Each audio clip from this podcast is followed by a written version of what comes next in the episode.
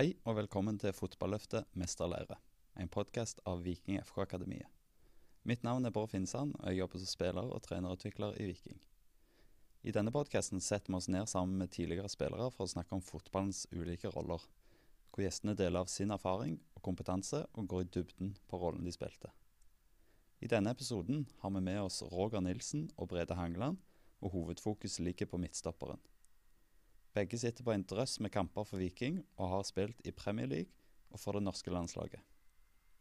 Vi diskuterer spillets krav til midtstopperen og viktige egenskaper teknisk, taktisk og mentalt, i tillegg til sentrale faktorer for å bli best mulig og prestere godt over tid. Fotballøftet og denne podkasten er gjort mulig av Sport1, Lyse, Rosenberg Warley, Kefer Energy, Diadora, Pizzabakeren og BDO. Følg Fotballøftet og Viking FK Akademiet på Facebook, og abonner gjerne på podkasten. Du finner oss både på Spotify og Apple Podkast.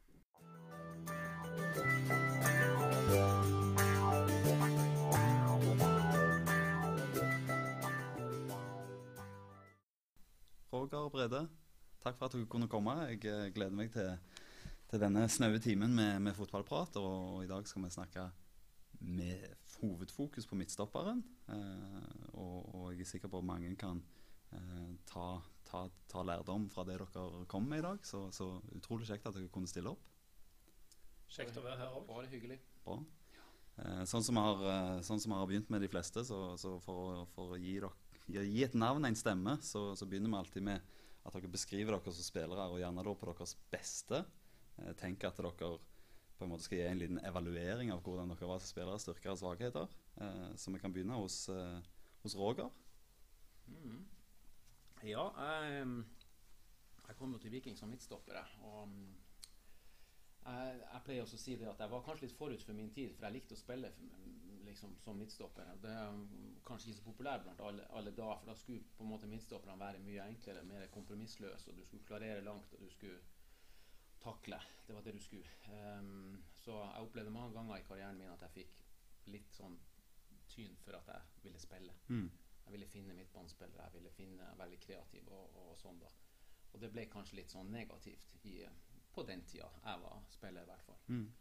Um, nei, som, som, spiller så, på mitt beste så var jeg vel uh, en litt sånn uh, kompromissløs type som, som likte å, å, ta fighten. Um, jeg var uh, jeg var vel bra i lufta som midtstopper. Um, klarte meg stort sett bra på fart, selv om det er vel en av de um, hva skal jeg si, det jeg kunne ønske jeg hadde litt mer av. Det var fart og, og høyde. Da ville jeg kanskje vært mer på Brede sitt uh, hva skal jeg si, repertoar. Og nivå, ikke minst. For det er ikke tvil om at han Brede har spilt på høyere nivå. Eller hva si, vi har spilt på samme nivå, men han Brede har holdt det vedlikeholdt det nivået mye lengre. Um, så det er jo sånne egenskaper som du da må ha som midtstopper.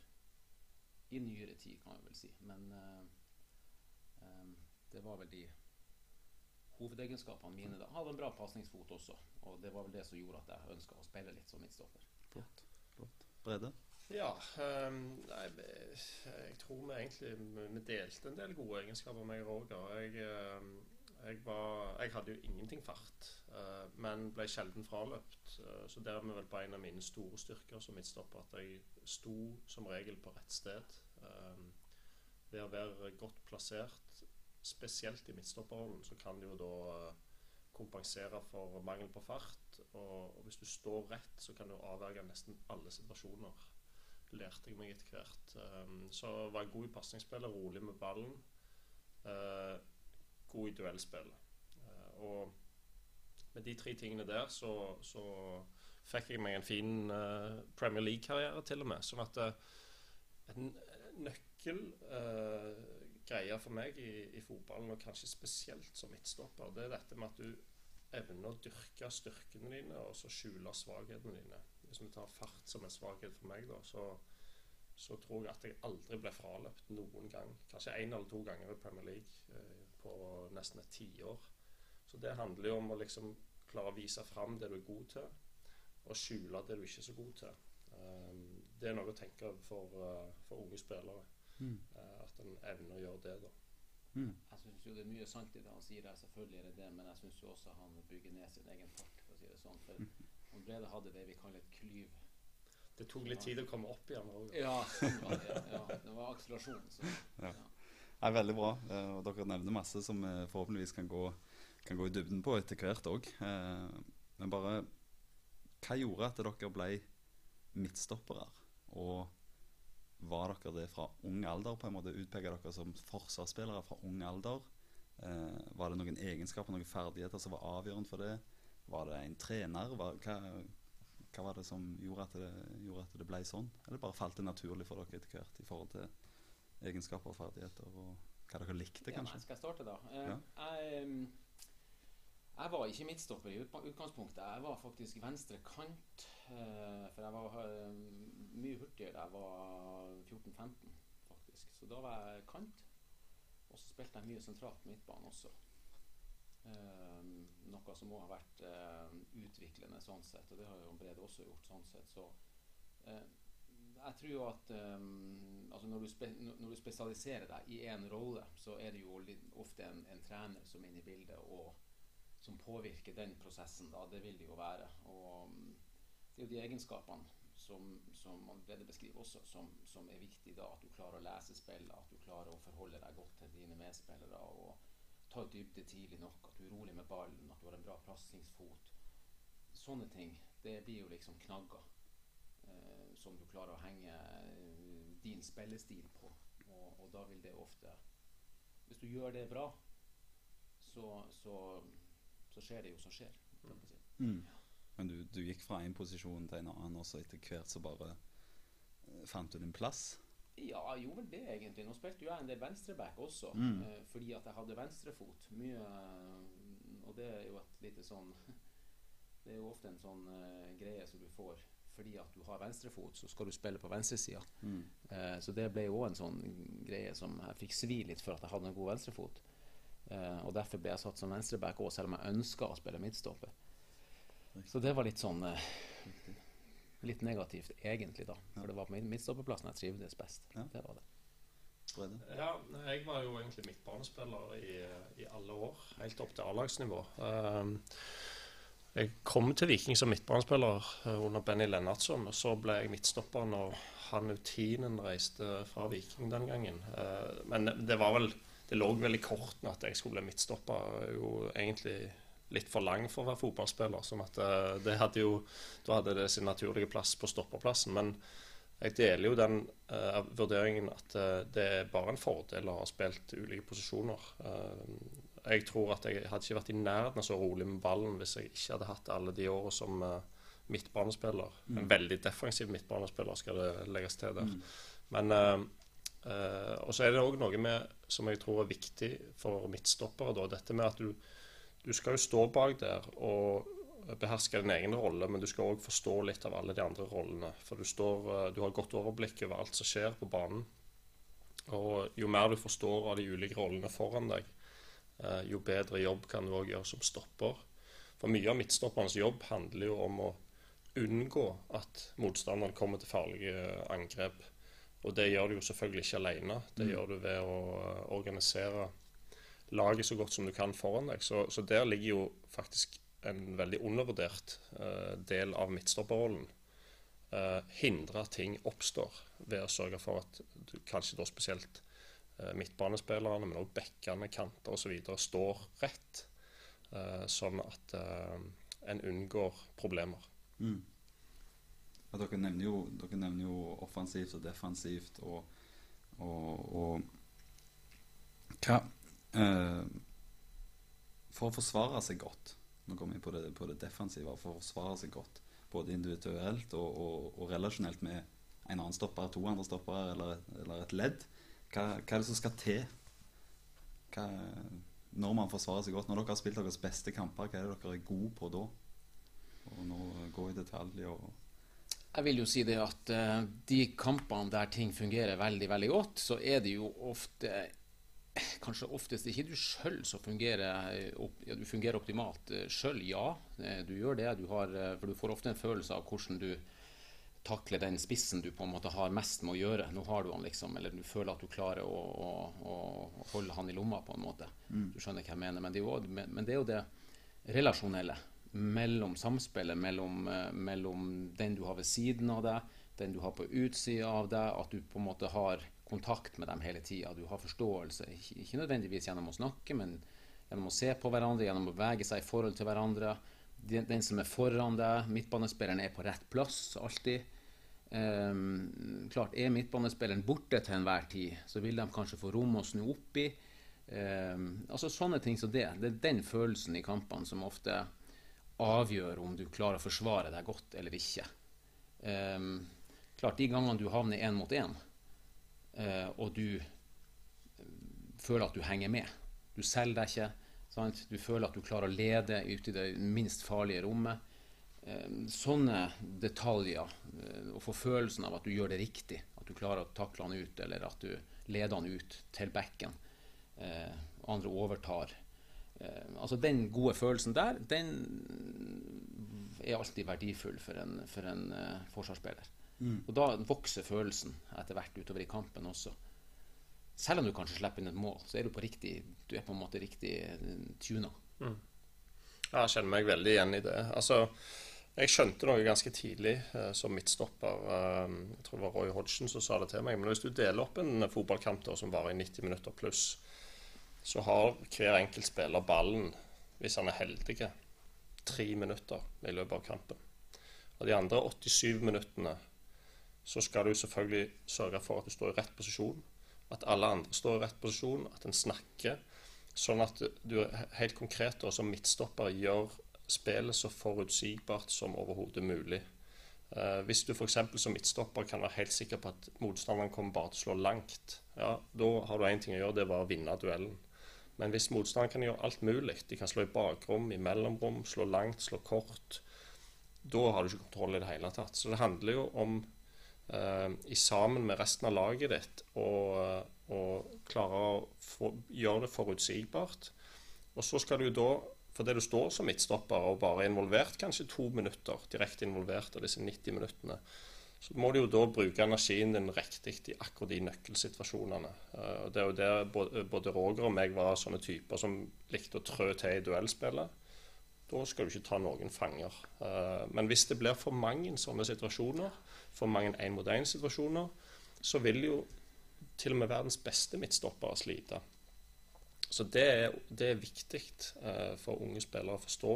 At det, det å få organisert laget, stå i rett posisjon sånn at det blir forutsigbart, og så få eh, ekle situasjoner som mulig. Mm. Eh, det er halve jobben som midtstopper. Mm. Uh, og de, de, beste midtstopperne de ser ikke ut som de tar i så mye. De, aldri, uh, de er aldri ute i desperate situasjoner. Trenger ikke sklitakle oftere enn høyst nødvendig. Uh, fordi at de unngår den type situasjoner. Så det er eh, en ekstremt viktig del av forsvarsspillet som en ikke snakker så mye om. Mm. Vi snakker gjerne om eh, de fantastiske sklitaklingene, blokkeringene osv.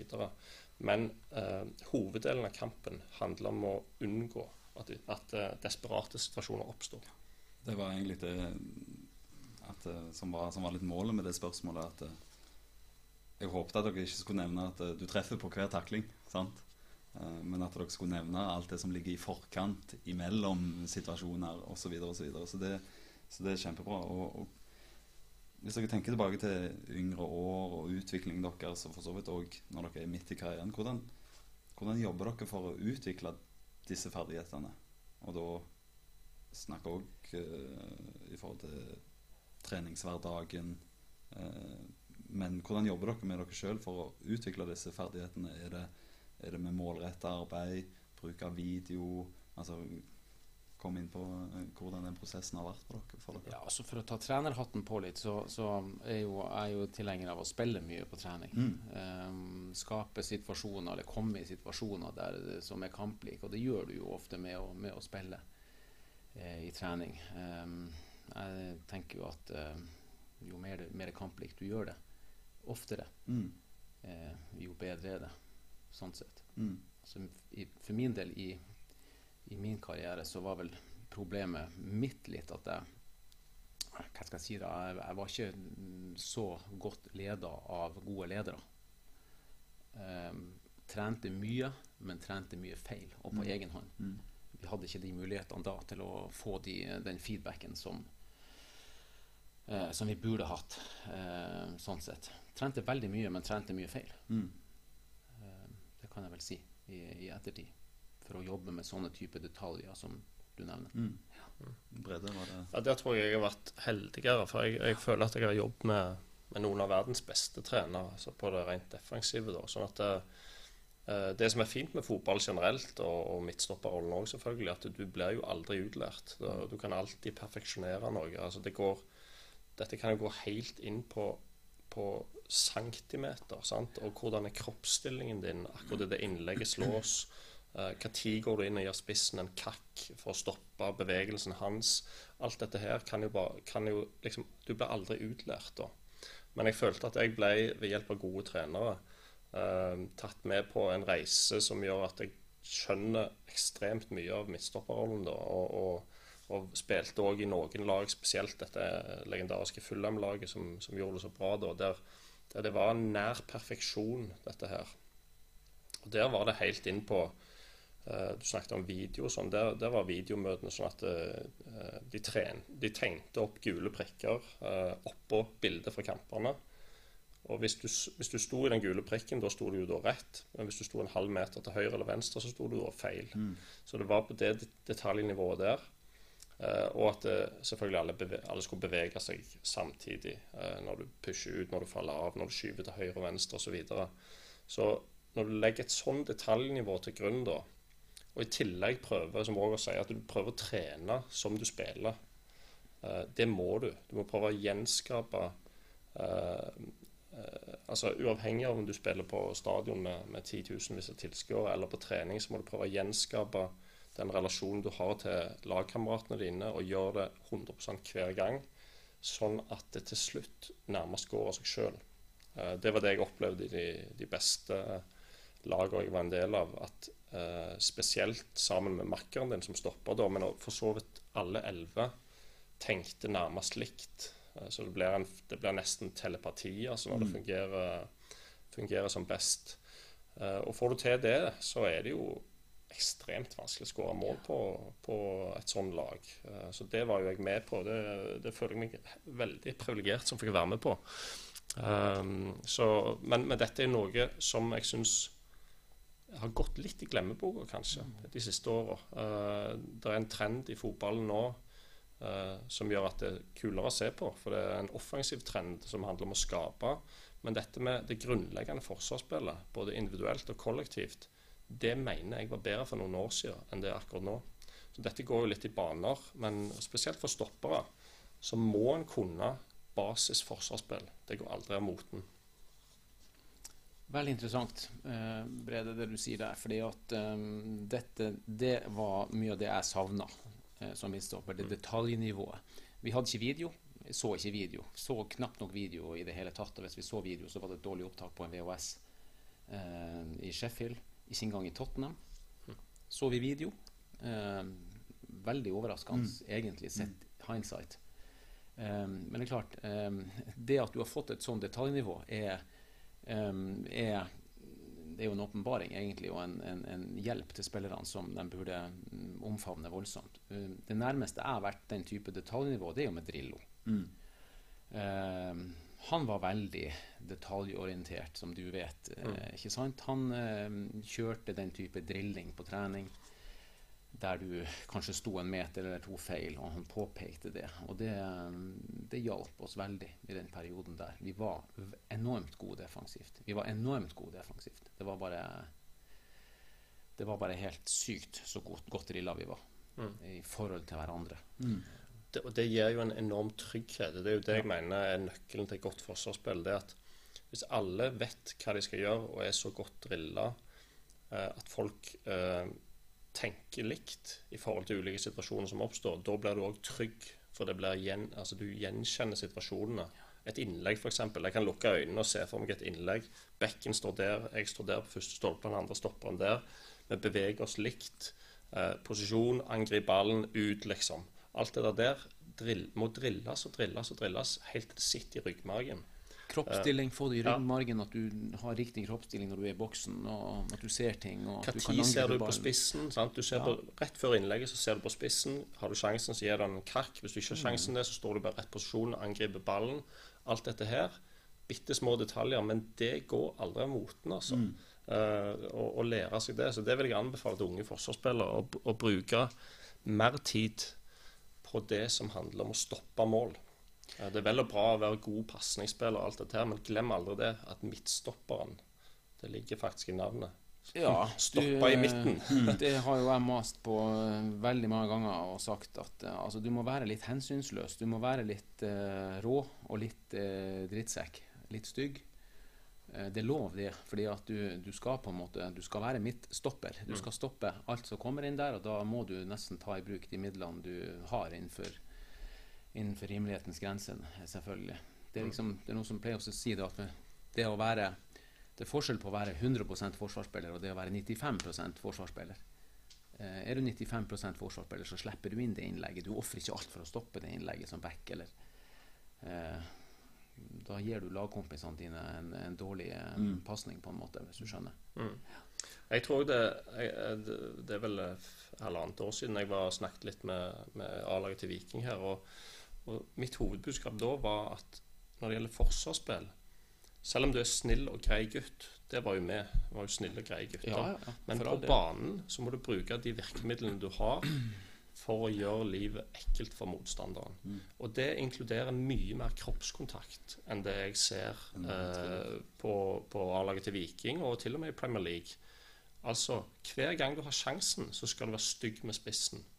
Eh, og, og det kan være på et detaljnivå som f.eks. er sånn at du skal selvfølgelig aldri lage frispark eller straffespark, men du kan gjøre ganske mye med armene dine og med kroppen din for å gjøre livet ekkelt og vanskelig for spissen. For spissen vil jo bevege seg forskjellige steder. Sant? Hvis, noen, hvis en back på motstanderen legger an til å slå en bakromspasning, ja, da vil spissen springe i bakrommet. Men det kan han ikke hvis du springer rett inn i kroppen og gjør en sånn Innløst, da. hockeytakling. sant? Så alt det greiene der må en jo da innarbeide, og du klarer ikke å gjøre det i kamp hvis du ikke begynner å gjøre det på trening. Sånn at eh, spissene på ditt eget lag skal jo egentlig hate å spille mot deg på trening. For du skal være så stygg med dem. Eh, uten at det er noe vondt meint om det. Men Ja, ja. sånn er fotballspillet som midtstopper. Du skal bruke kroppen, du skal være helt på grensa. eh, og så må du finne ut da, eh, hvor den grensa går. Og den vil jeg påstå er, altså Terskelen for frispark og straffespark er høyere enn stoppere i dag tror. Mm. Så lenge de ikke faller, så er alt lov. Selv om VAR er inne i bildet, Ja, får vi si. Nei da. Men, Men ikke strake armer, men bøyde armer. Bruk av kroppen. Aldri noe problem. Mm. I øyeblikket før pasningen slås, eller innlegget slås, da må du være stygg med spissen. Da ser dommeren og alle mulige andre også på han som skal slå pasningen, ikke på det som skjer inne i feltet. Mm. Før spissene er jo ofte på samme måten. De ønsker jo å være like nådeløse. Vi har jo blitt spytta på og tråkka på mange ganger for å si det sånn, av spisser i, i England. Um, og det er bare en del av det. Det må du akseptere. Men det er for å sette deg ut, for å få deg til å gjøre ting som, som, ehm, som vil At du mister fatninga, rett og slett. Mm. Konsentrasjon mister du med den type oppførsel. Så, og det er samme gjelder spissen. Han, mm. Jeg sier ikke at du skal spytte eller sparke, eller sånn, men den dytten han Brede snakker om, eh, det gjør ingenting. For, for det, det det handler om, er jo Altså Det foregår jo en kamp i kampen mellom en midtstopper og en spiss. Og det eh, Spørsmålet er jo egentlig hvem skal diktere her. Skal spissen gjøre det, eller skal jeg gjøre det? Eh, og en stopper dikterer jo ved å, ved å bestemme linja, at spissen må forholde seg til det. Og ved å bruke kroppen i sånne situasjoner at du hele veien irriterer spissen. At han aldri får gå på de løpene han vil, ikke får ta de bevegelsene han vil. Eh, og hvis du da gjør det forutsigbart, som vi snakket om eh, tidligere, så skal du selvfølgelig knuse han hver gang det er en duell òg. Men alt det der andre der, det er en kunst Mm. som en med fordel kan uh, vekke til live igjen Mm. i den moderne fotballen. Hvis du, har, hvis du er i den flytsonen, det er den flytsonen du snakker om da, at du klarer å sette, du setter han offside, du vinner duellen din, du bryter foran, alt det der, da er du i den flytsonen, ikke sant? Og hvis du i tillegg har det der at du, du føler at han, spissen er underdanig, på en måte, han klarer aldri å dominere deg, Mm. um, da har du oppnådd noe, da har du liksom Da har du gjort det du skal gjøre i den kampen. Fortsette bare på det. Det er lettere å spille den kampen. Dere nevner, dere nevner masse, masse fine detaljer her som er bra. Og så nevner dere oversikt, kunne se ting, ha fått med seg bevegelser, ha fått med seg hva som skjer. Eh, og det er jo noe som jeg føler blir, blir snakket mye om, at eh, du må være flink til å snu på hodet, ha oversikt over situasjonen, men mest i et offensivt perspektiv. Alle snakker om at ja, de beste midtbanespillerne er så flinke og, og, og ser rom der det ikke er rom, osv. Hvor viktig er det, og hva, hvor, hvordan er detaljene i forhold til det å ta inn informasjon i, i det defensive? Du nevnte jo litt posisjon, se spissen, og så gå for å vinne duellen. Ja, um, nei, det er, jo, det er, jo, et enormt detaljnivå i fotballspillet. Og jeg er enig i det du sier, at uh, vi, vi, snakker ofte om offensive detaljer litt fordi det, det, er trenden og har vært trenden i noen år nå. Men, men altså, som midtstopper så mener jeg jo at med mindre du har ballen, da, og det er disse to minuttene, så skal du jo til enhver tid tenke hva kan skje nå? Mm. Altså hva er det som kan bli farlig nå? Hvis vi er i angrep, f.eks., da skal jo stopperen bare stå på midtstreken der og tenke hva hvis vi mister ballen, hva skjer da? Og Hvis du tenker over de tingene og hele veien er påskrudd, så kan du være i forkant. Da kan du jo ha kontroll på en sprinter, selv om du står på midtstreken, fordi du reagerer et halvsekund tidligere. Uh, kan, altså Står du på midtstreken, f.eks., som jeg har gjort mange ganger, det kan jo være en, en uh, fryktelig opplevelse egentlig, for andre er dobbelt så raske. Men hvis du uh, reagerer fortere, så kan du jo enten bryte foran, som Roger sier. Eh, du kan gå inn og gi han den der dytten, sånn at du starter før. Eller du kan bare starte tidligere i bakrommet.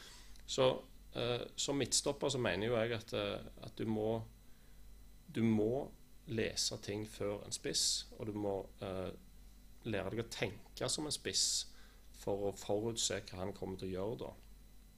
Uh, og dette er jo i, i sånn splittsekken second hele veien. Mm. sant? Eh, at du kan ikke drive og se på, bare på ballen. Du må òg holde et halvt øye med dette her. Og lære seg å se det store bildet. da. Eh, så her er det jo eh, et uendelig detaljnivå. Men det med å liksom være påskrudd, forvente ting, gjenkjenne situasjoner, bryte det ned til noe forutsigbart, det gjør jo jobben som midtstopper mye lettere. Hvis en eller annen hadde en dårlig kamp, så hører du ofte beskrivelsen eh, Han var der ballen akkurat har vært. Hmm. Ikke sant? Jeg tenker jo litt sånn som midtstopper, så må du være så på, prøve å lese, og prøve å være der som ballen er på vei. Ja. Sånn? Det er jo den store forskjellen, da.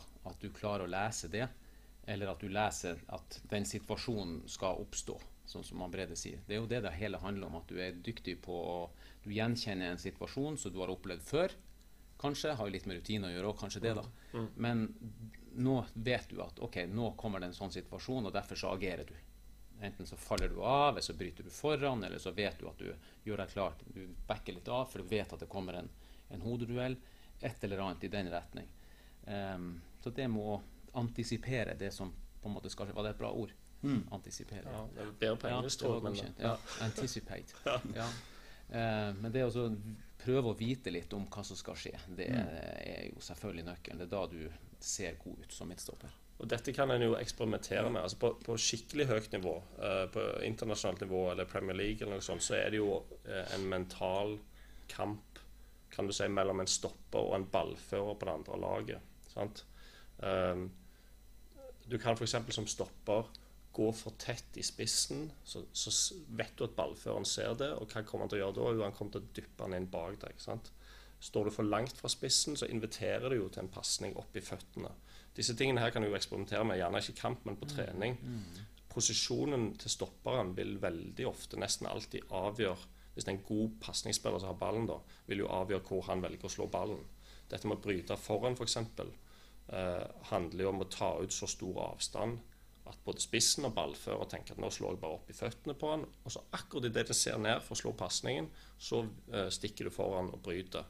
Uh, så det er jo en sånn kamp i kampen uh, som en òg kan eksperimentere med å lære seg. At du rett og slett Igjen gjør du det forutsigbart, da, men, men du lokker fram en type pasning, mm -hmm. og så vet du at, den, at, da kommer den, og da gjør jeg det. Det var jo en egenskap du Jeg husker du Det var, var jeg god til. Det var du veldig bra til. Ja. Ja, det å bryte foran, se, når han ser ned, akkurat lese den situasjonen som er der, og få inn en lang fot.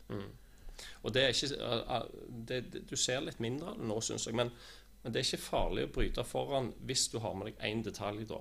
Det er hvis, hvis han ballføreren lurer deg da, og har skjønt hva du holder på med. Ja, Det eneste du trenger å gjøre da, er på vei til å bryte foran, så ser du nå slår han i bakrommet istedenfor, nå sliter jeg. Da springer du bare rett i spissen. Sorry, lite frispark, tilbake på plass. Så du må jo liksom ikke satse hele butikken og være foran før pasningen kommer. Men du skal være da liksom en meter bak. Da bryter du ni av ti foran, men den ene mot den ene intelligente ballføreren der han ser det slår en bak, ja, da lager du bare et lite frispark. Sorry, dommer. Eller så har du en makker som du har så god tuning med at når du er i duellen der sånn, så vet alltid makkeren at han skal backe av, han skal være den som er bak, han tar den andre, han tar den lange.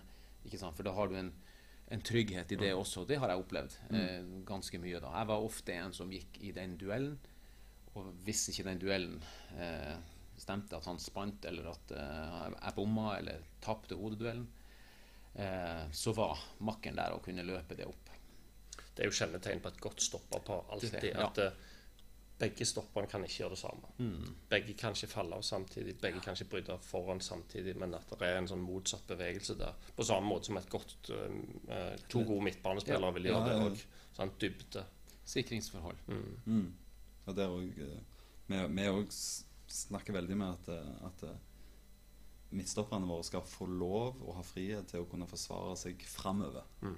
Uh, og da er du avhengig av dekning bak deg. Så vi jobber på en måte med at stopperen skal få lov å komme, komme ut og prøve å lese og, og avverge den situasjonen. Og Ja, altså, at de kommer seg rett det, en det er jo, sentral, det er jo godt forsvarsspill å være god på offensiv markering. Mm. Ikke sant?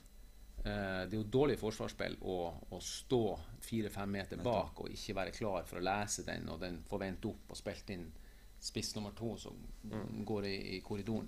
Der er det jo en detalj som, er, som, er, som stoppere selvfølgelig må tenke gjennom. Og, altså, du, du spiller enten stort sett mot én spiss eller mot to spisser. Og det er jo eh, veldig forskjellig. Uh, spiller du mot én spiss, så kan du jo tillate deg å gamble litt mer på å bryte foran, f.eks.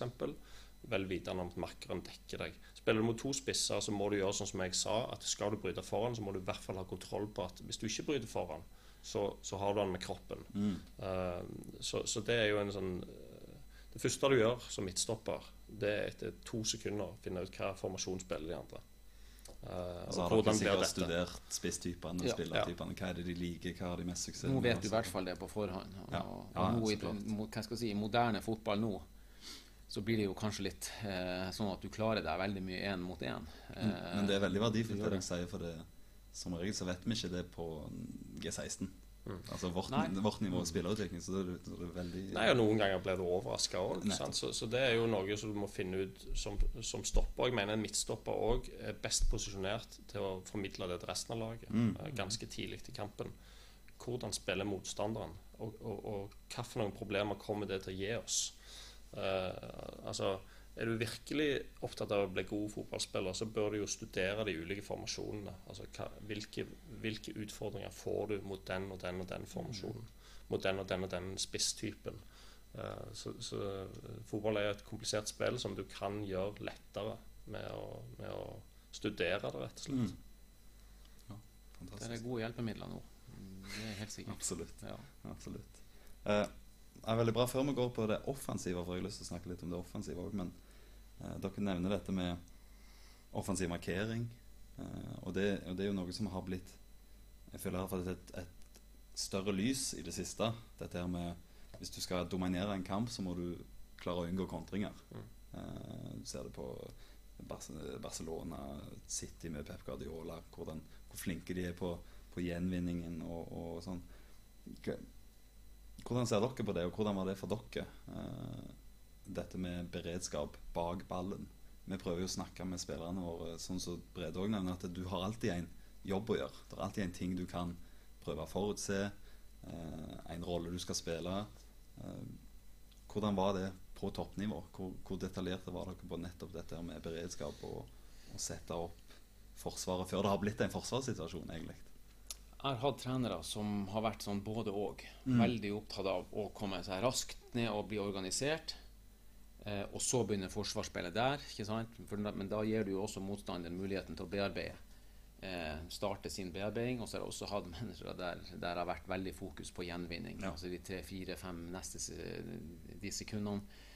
Eh, at du får et brudd på bruddet heller. Ja. Eller bare vinner ballen i, i den i den sonen der Ja. nærmeste mann skal inn og bare stresse den uh, ballføreren til å spille ballen bakover. Ja. Da har du på en måte lykkes litt mer. Um, så det har vært både òg, da. Mm. Det har det. Og Mm. det kommer jo litt an på. Det er jo veldig sånn situasjonsbetinga. Det er jo det. Absolutt. Jeg er veldig enig i det. og det, Jeg tror det er viktig å ha med seg at for å drive med offensiv markering, så må mange ting være på plass. da. Eh, jeg ser altfor ofte i fotballen nå til dags at lag prøver å gjøre, å drive med offensiv markering, men så, så er ikke press, toppresset ikke godt nok. Midtbanespillerne er ikke i rett posisjon.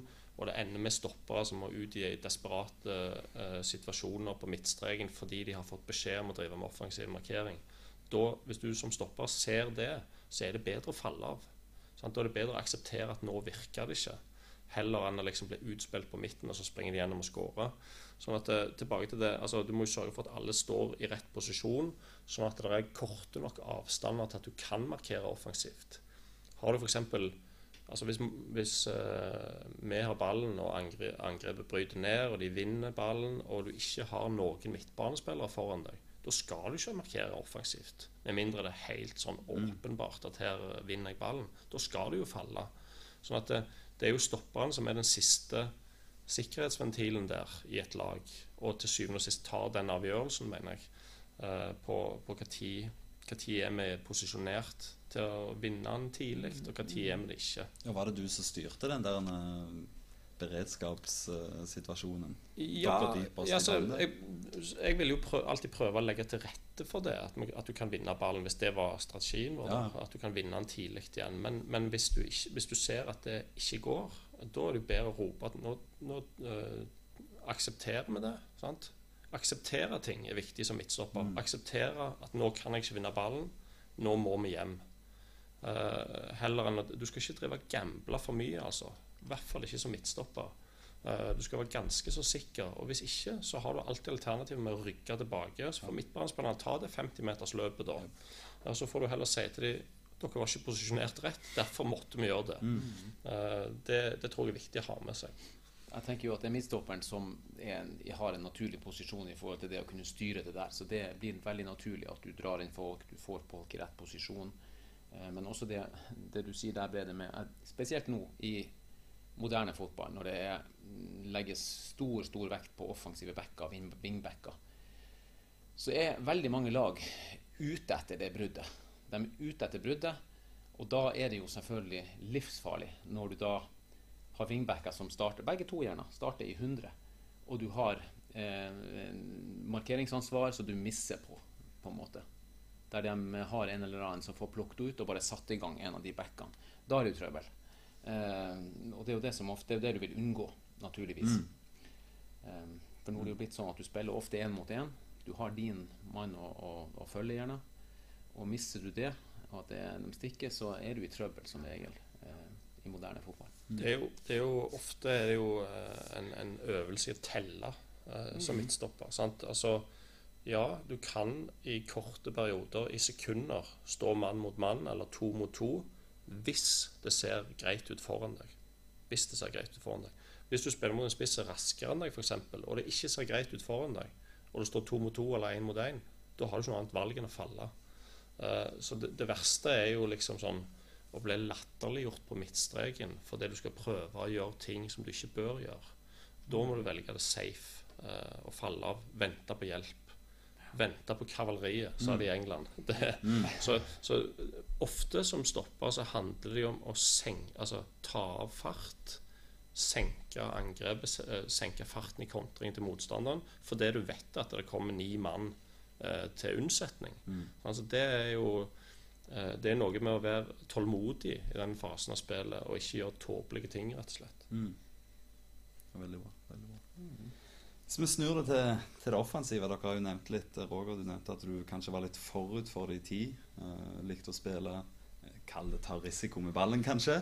Men, men eh, Og så kan det være at, det- kan det være at eh, Brede, du har kanskje vært med på den utviklingen til midtstopperen? At han har fått mer ansvar med ball, kanskje. Ja. Eh, hvordan, hvordan ser dere på den eh, utviklingen der? Eh, hvordan var det på toppnivå for, for deg, f.eks. Brede, den utviklingen der? Måtte, hvordan hang du med?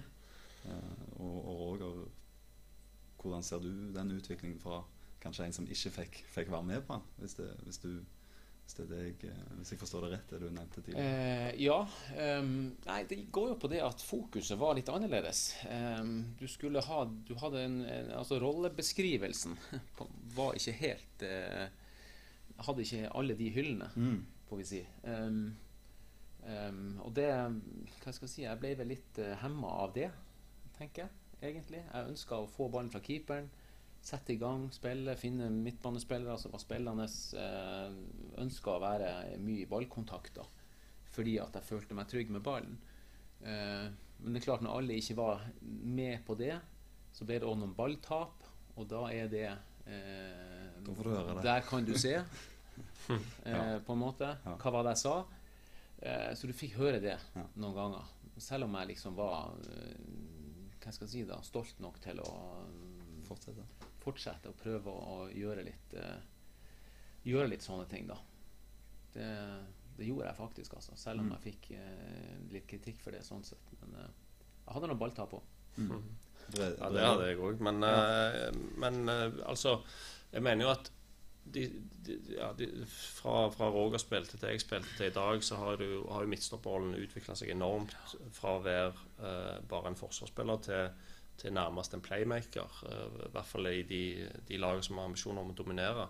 Og det har jo sin naturlige forklaring. Midtstopperen har best tid eh, når han har ballen.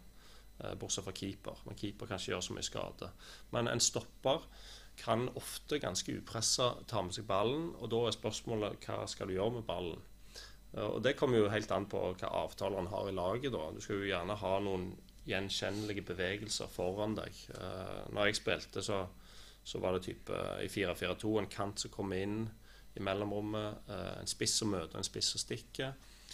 Eh, og så lærte jeg meg etter hvert at det å ta med seg ballen til og med langt inn på motstanderens banehalvdel, det er ikke spesielt farlig så lenge du ikke stresser.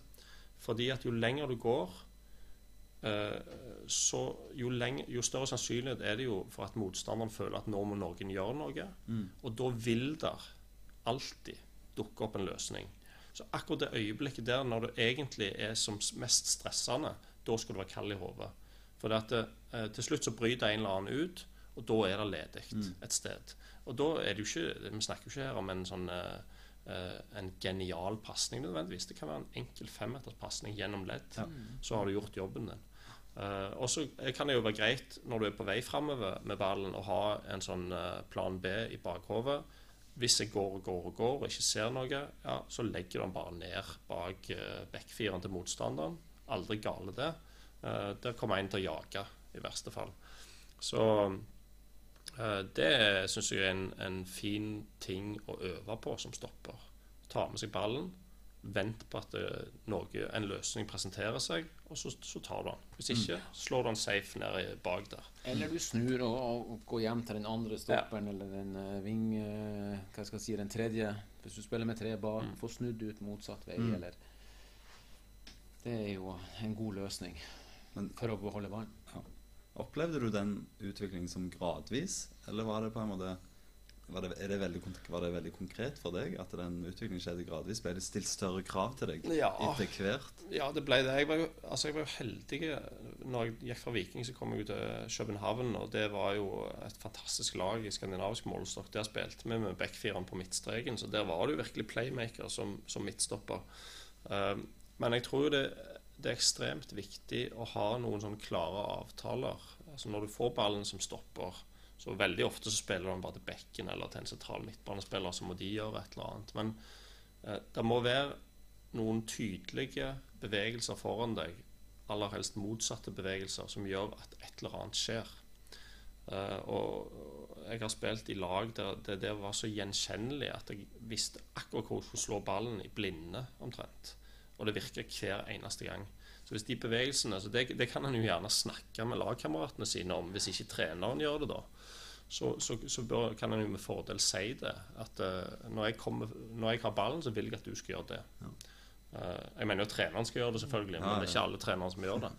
Uh, for, det, for det, da er det ganske ufarlig å ha ballen som, som, midtstopper. For du er på den posisjonen der du har minst press på deg av alle på banen. Det, og det som er fordelen, som vi òg snakker veldig mye om, midtstopperen er i midten av banen. Og i midten av banen, i plass for å spille til en back som er ute til sida, så, så, kan du potensielt nå alle rom foran deg. Mm. Uh, så, det, så det, det, er utrolig Men det er en detalj der som midtstopper er ganske viktig. Da, at det, Skal du slå ballen i rett linje framover, så skal du være ganske sikker. Mm. Med mindre det er bakrom, da. Men altså en, en, uh, en pasning på skrå er jo alltid tryggere enn en pasning rett fram. Uh, sånn at en, en kant eller uh, den andre spissen hvis du spiller 4-4-2, er tryggere enn den rette pasningen. For den rette pasningen som blir brutt når du er langt framme, da er du i trøbbel. Ja. Mm. Eller om du løfter den rette pasninga over firen, så vil den alltid være en tapt ball. Ja. Den skrå vil du alltid ha en sjanse til å ta. Mm. Altså Du får ofte en duell mellom en, en back og din kant, så du kan vinne. Du kan vinne et kast eller et eller annet sånt. Mm. Um, men en annen, en annen, ting som går litt på det at den utviklinga som nå er, er, er, gått i retning av midtstopperen Du ser jo, Vi var inne på posisjoner eh, tidligere. Og det du ganske ofte ser nå også, det er jo det at eh, folk som spiller sentral midtbane, kan overta en midtstopperrolle ganske, ganske lett. Ikke sant? Og det går jo på det at eh, rollen er blitt playmaker-aktig. Han er det. Du har midtstoppere som går opp og spiller, eh, kan spille midtbane. Eh, du ser det i toppen. Mm. Så det å utvikle midtstoppere eh, til å forstå posisjoner høyere opp i banen, være i posisjoner høyere opp i banen, det tror jeg er enormt viktig. Bare for å utvikle repertoaret. Vite hvordan rollen fungerer. Um, og det er jo det du ser stadig vekk. Midtstopperne er jo fantastisk gode med ballen nå. Det samme er jo ja. Eh, mange av de midtbanespillerne som går ned og er midtstopper. I mangel på et par skader eller et eller annet sånt, så ser du ofte at det trekkes ned en, en midtbanespiller som ikke har noe problem med å løse den rollen, for den er ganske lik, egentlig. Mm. Sånn, sånn, subjektivt så tror jeg at uh, vi går mot en fotball der som blir veldig mye mer flytende i forhold til posisjoner og posisjoneringer og sånn. Uh, men det var bare, det var en sånn liten sånn avstikker. Uh, mentalitet er noe som vi snakker veldig mye om her.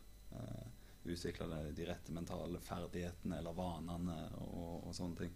Uh, beskriv tilstanden du er i. Uh, utenfor banen, i treningshverdagen, inn mot kamp, i kamp, når du presterer best. Det er utfordringen. Da. ja, nei jeg Hva ting har du fokus på, osv.? Eh, jeg la jo alltid veldig vekt på, på, å være så godt forberedt som mulig.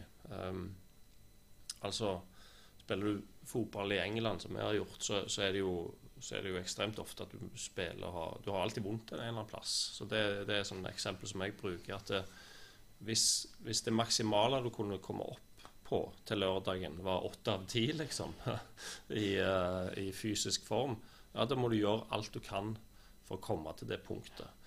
Uh, og det skal du jo da alltid gjøre. Du skal alltid uh, tilstrebe å bli så godt forberedt som du kan være.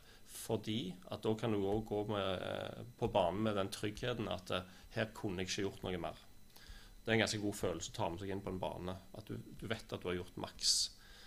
det var for meg sånn et verktøy til egentlig Hvis du gjør det, så, så forsvinner til en viss grad press og nervøsitet og alt dette her. For da kunne ingen ha gjort en bedre jobb i en sånn forberedelsesfase da. Uh, og da, kommer det som kommer. Så, så, kan du selvfølgelig tabbe deg ut og være dårlig og sånn uh, uansett. Men, men, bare det å sørge for at du har gjort det du skal når du kommer inn på banen, det er jo da uh, en helt sentral del av jobben. Og så tror jeg òg veldig på når vi snakker om mentalitet, å prøve å ha en sånn ganske stabil, balansert mentalitet uavhengig av hvordan det går. Altså du er aldri så dårlig som avisa skal ha det til når du spiller dårlig. Du er heller aldri så god som avisa skal ha det til når du spiller godt. Og du må prøve å trene med den samme kvaliteten uavhengig av om du har vært god eller dårlig eh, på lørdagen.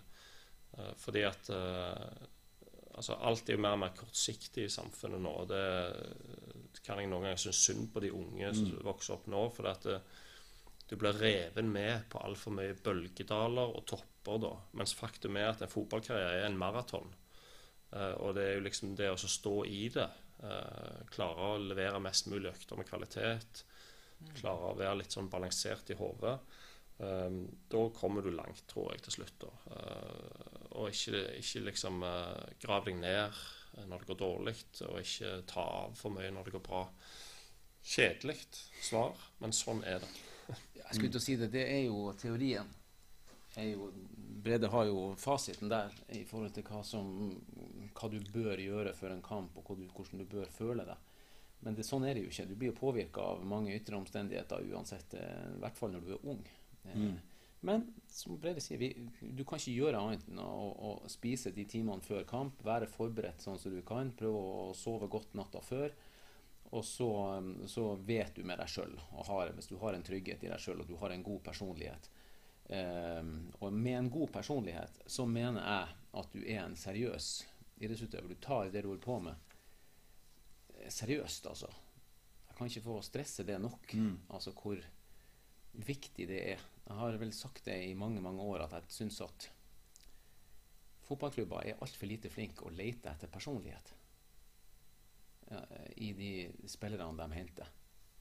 Fordi at eh, jeg har veldig tro på mennesker som påvirker andre, og som er litt, eh, er litt målbevisst i måten de er på, måten de snakker, måten de ter seg på. Um, det tror jeg er enormt viktig.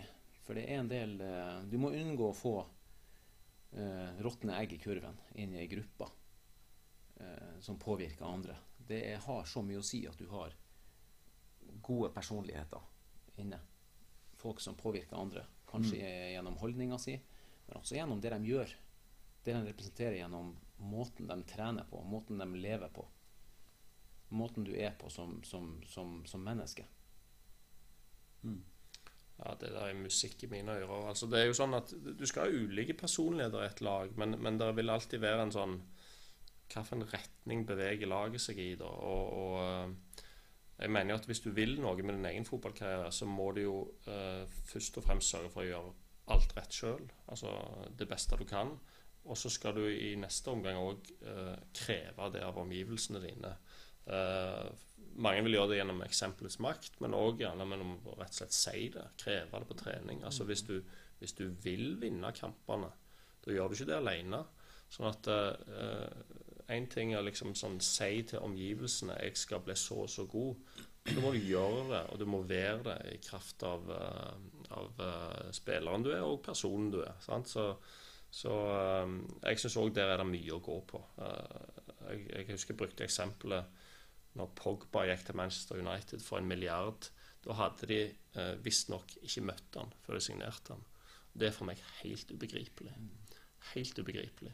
For at én uh, ting er de fotballferdighetene uh, du har, men, men, vi er jo mennesker som kan påvirke, som skal gjøre noe over tid. Og da er jo personligheten helt ekstremt viktig.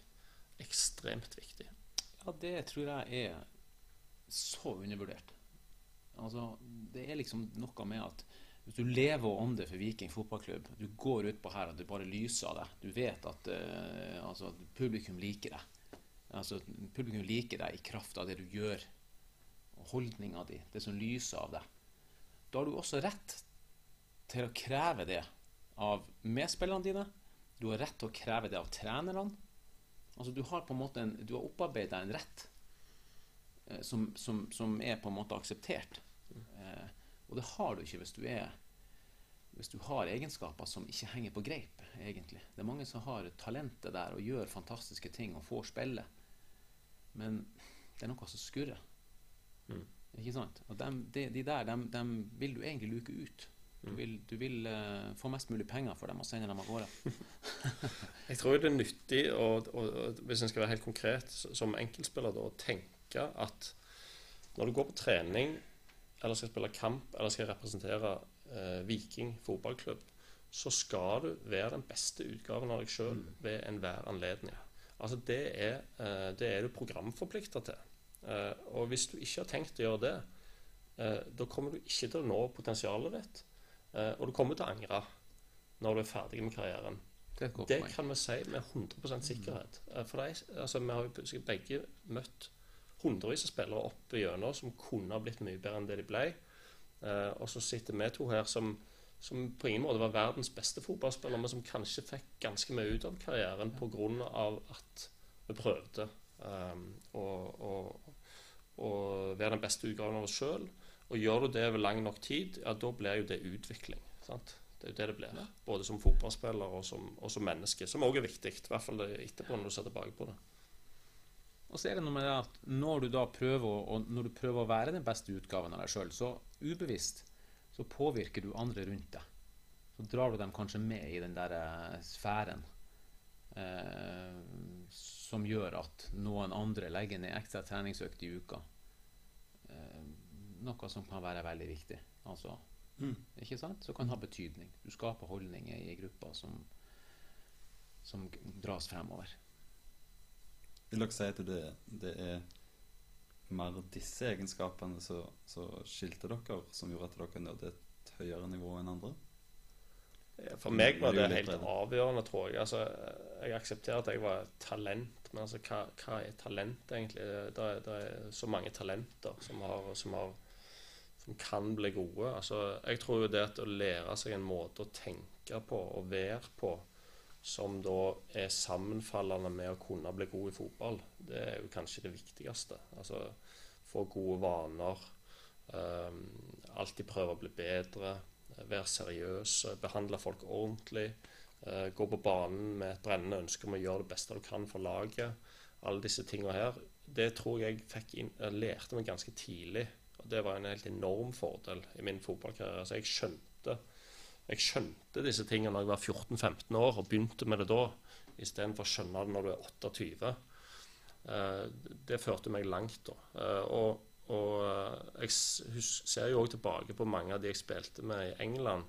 Altså Vi har sånn inntrykk av at Premier League-spillere er, er, er fjollete og sånn som dette her. Det er jo ikke det. det er jo, noen er spesielle, ekstreme talenter. Men de aller aller fleste har jo jobba steinhardt over, over to tiår for å komme dertil. Så det er en misforhold mellom den, det bildet eh, som mange har, og, og det det faktisk er, da, som er liksom å legge til grunn dønn seriøst arbeid over lang tid. Så den mentaliteten der jo før du kan, Hvis du har tenkt å bli god i fotball, jo før du kan få den inn, jo bedre. Mm. Og ikke lur deg sjøl. Ikke lur deg sjøl med å si at du skal bli det, hvis du ikke gjør jobben. Det er viktig, altså. Jeg tror nok vi har en fellesnevner der i forhold til akkurat det. Um, jeg var ekstremt eh, treningsivrig, får vi si, og ønska å bli god. og det er ikke få timer jeg har plaga gamle, gode Reidar Goa med å stå og kaste baller og sette opp hekker og holde på med ting som, som, som jeg fant på å gjøre. Mm. Um, men det tror jeg har vært en, en, en, en god greie opp gjennom årene. Jeg har alltid prøvd å bli den bedre versjonen av meg sjøl til enhver tid med å trene mer enn de andre. Og der er det jo Det, minner meg på et annet viktig poeng. Altså, hvis du vil bli så god som du kan bli, så, så bruk de ressursene som er rundt deg. sant? Altså Fotballspillet er jo så komplekst. Så hvordan skal du bli best mulig fysisk? Ja, Det er det jo en fysisk trener og noen fysioterapeuter som kan hjelpe deg med. Hvordan skal du bli best mulig taktisk? Ja, Det kan eldre spillere, trenerne dine, hjelpe deg med. Eh, så det er jo så mange eh, flinke folk i støtteapparatet rundt unge spillere nå. Men, men da, må, da må de spørre dem. Sant? Hvis du virkelig vil bli god, så må du òg lære deg å ta til deg informasjon, og så bruke den eh, i din egen karriere. Det som litt på fint sier, bli din egen trener. Men for å bli din egen trener, så, så må du da eh, spørre. eh, være interessert, være nysgjerrig. Ekstremt viktig. Det er jo kjempepoeng. Nå er det spillerutviklere, der er analyseansvarlig, der er fysioer, der er hva skal jeg si, Det er sikkert yogatrenere, for alt jeg vet. Eh, Men eh, mye av det du sier der, Brede, er jo, det er jo nøkkelen. Altså, det er jo nøkkelen. Mm. trening, ei ekstra trening, skal jo ikke være ei straff. Eh, mange spillere har jo opplevd at de må trene, de skal trene en ettermiddag. Eh, og jeg, opplever det som en straff. Men da har vi det her med personlighet igjen. Eh, hva er det du ønsker, hva er det du vil? Eh, hva er det du tenker når du oppfatter ei ekstra økt som er teknisk, eller det er taktisk, eller, eller whatever, styrketrening, eller hva det skulle være, som en straff? Mm. Hva er det da du Hvor vil du hen? Mm. Ja, Det er jo viktig å huske på at uh, når du står ute på stadion her og skal spille den viktige kampen, uh, så får du jo igjen for alt det du har lagt ned. Der er jo fotballen veldig enkel, egentlig. Jeg pleier å si til unge at uh, jo, jo, bedre du gjør leksene dine, jo bedre karakter får du på prøven. Altså, det er jo ikke verre enn det. hvis du som midtstopper da merker at du dominerer fullstendig mot han spissen der, så er det jo fordi du har lagt ned de timene der hele vinteren. Alt henger sammen med alt her. Et bra så, belønningssystem. Så, ja, det er, jo, det er jo, blodig ærlig ja, sånn sett. Ja. Så, og den følelsen som sikkert vi har hatt da, eh, når du spiller en virkelig god kamp, og får igjen for det, da blir jo det forsterka. Da forsterker det jo din egen atferd og, og ønsker å gjøre mer av det der. Så, så, det er jo en helt klokkeklar sammenheng mellom hva du investerer i det, og hva du får igjen. Mm. Enkelt og greit. Mm. Mm. Veldig, veldig bra. Uh, helt, uh, helt, avslutningsvis så pleier vi også å slutte med å spørre Hva vet du nå som du ønsker du skulle visst som spiller på et eller annet tidspunkt eller gjennom hele karrieren? Noe som har kommet i etterkant, som kanskje kunne tatt det et steg lenger. Karrieren varte lenger, høyere nivå, hva som helst. Det kan være om spillet, om ting ut forbi spillet, men har dere noe der? Altså det, hva skal jeg si da? Det, det, det, er jo veldig sånn eh, Det er jo et vanskelig, det er et vanskelig spørsmål, da, men, men um, Ja, hva skal jeg si til det, da? Jeg, jeg skulle ønske at jeg forsto tidligere at det enkle er ofte det beste. Hva legger du det, I det legger jeg at um, det å ta Altså, unge spillere nå som er gode mm har ett problem eh, ofte. Og det at de skal vise at de er så gode. Og da blir det ofte feil. Ikke sant? Du, du, det er litt bakvendt, det der. Um, og det er en sånn felle å gå i, da, tror jeg. Og det er fort gjort å gjøre det. Fordi at uh, de gangene du lykkes, så er det fantastisk bra. Men problemet er at du mislykkes fem av ti ganger. Uh, ikke sant? Uh, Brede var jo, var jo liksom eh, eksepsjonelt god på å, å, å, gjøre det enkelt. Ikke sant? Gjøre ting enkelt. Og dermed så ser det jo også jævlig bra ut. Veldig bra ut. Unnskyld. Eh, nordnorsken som kommer frem. Nei, det går helt fint. Ja. Eh, og, og, det der, det å skjønne det tidlig, de, at gode spillere ikke trenger å vise det at de er så gode, eh, men bare være Altså på en måte, hvis du skjønner hva jeg mener. Gjør det enkelt. Spill. Eh, dytt den ballen rundt, eh, og så er du trygg. Gjør aldri feil. Mm. Og leve i, lev i spillet. Ja. Lev i spillet, ja. på en måte. Se hva som er viktig. Se tidligere hva som er viktig. Vær klok. Ja, gjør lite feil er jo Det har vi ikke vært inne på, men det er jo helt ekstremt viktig som midtstopper. Uh, jo færre feil du gjør, jo bedre er du. Så, sånn er det på den plassen. Mm. Men jeg, uh, ja, altså jeg jeg er i det store og hele veldig fornøyd med min fotballkarriere. Jeg kunne ikke ønske meg så mye mer. Men jeg, jeg, hvis det er én ting, så kunne jeg ønske at det kanskje var enda Jeg skjønner jo i ettertid at det er sånn som jeg tenkte var rett.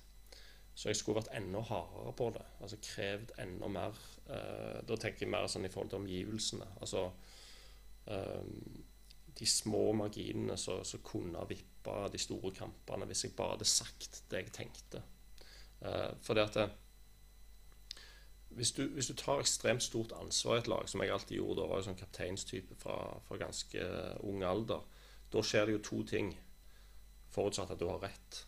Eh, altså, laget blir bedre, og du blir bedre sjøl òg. Altså, hvis, hvis, du er en sånn autoritet på banen at du eh, kommuniserer både med kroppsspråk og verbalt hva du forventer til alle andre, så tvinger det deg òg til å gjøre en god jobb sjøl.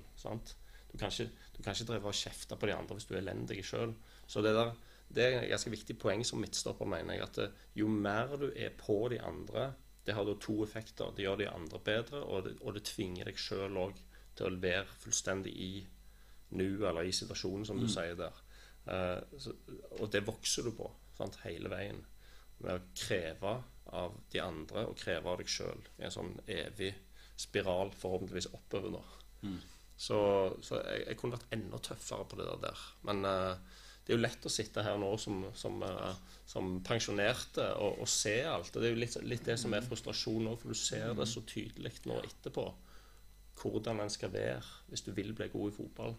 Uh, og så er det å riste det inn i de unge, da. Altså men kan, kan du si én ting Vi, vi kan ikke forvente at de skal være så kloke Nei. Nei, det er sant. Men, men, men det å starte på den reisen så Ja, fort som mulig og, og kanskje eh, sånn gjerne avslutningsvis å si det at eh, det å få seg en fotballkarriere, det er eh, det beste du kan håpe på i livet, i hvert fall som enkeltmenneske. Sant? Du skjønner jo det etterpå, at det, det var jo helt fantastisk. Så når du, når du står der som 16-, 17-, 18-, 19-, 20-åring Det er ikke noe bedre å satse på enn det, altså. Uh, og du kommer til å angre helt sykt hvis du føler etterpå at jeg gjorde ikke alt jeg kunne. Så jeg vil jo absolutt anbefale å gå for det. Ja, hvis, du har, hvis du har det talentet, og folk forteller deg at du er så god, og du uh, mer eller mindre skjønner det sjøl, så um, sats alt du kan på å få en fotballkarriere. For det er, det er en opplevelse og en reise som um, jeg vil unne alle å oppleve, egentlig. Helt klart. Fantastisk. Eh, tida har gått eh, veldig fort, iallfall for meg. Eh, men eh, utrolig mye, mye interessant og, og veldig kjekt å, å snakke med dere om, om fotball og midtstopperen og mentalitet og, og alt som var. Så eh, jeg tror de rundt, eh, enten det er spillere eller trenere, også kan eh, ta mye, mye verdifullt ut ifra, ut ifra dette her. Så tusen takk, eh, takk for tida. Veldig, Veldig kjekt. Ja. Veldig kjekt.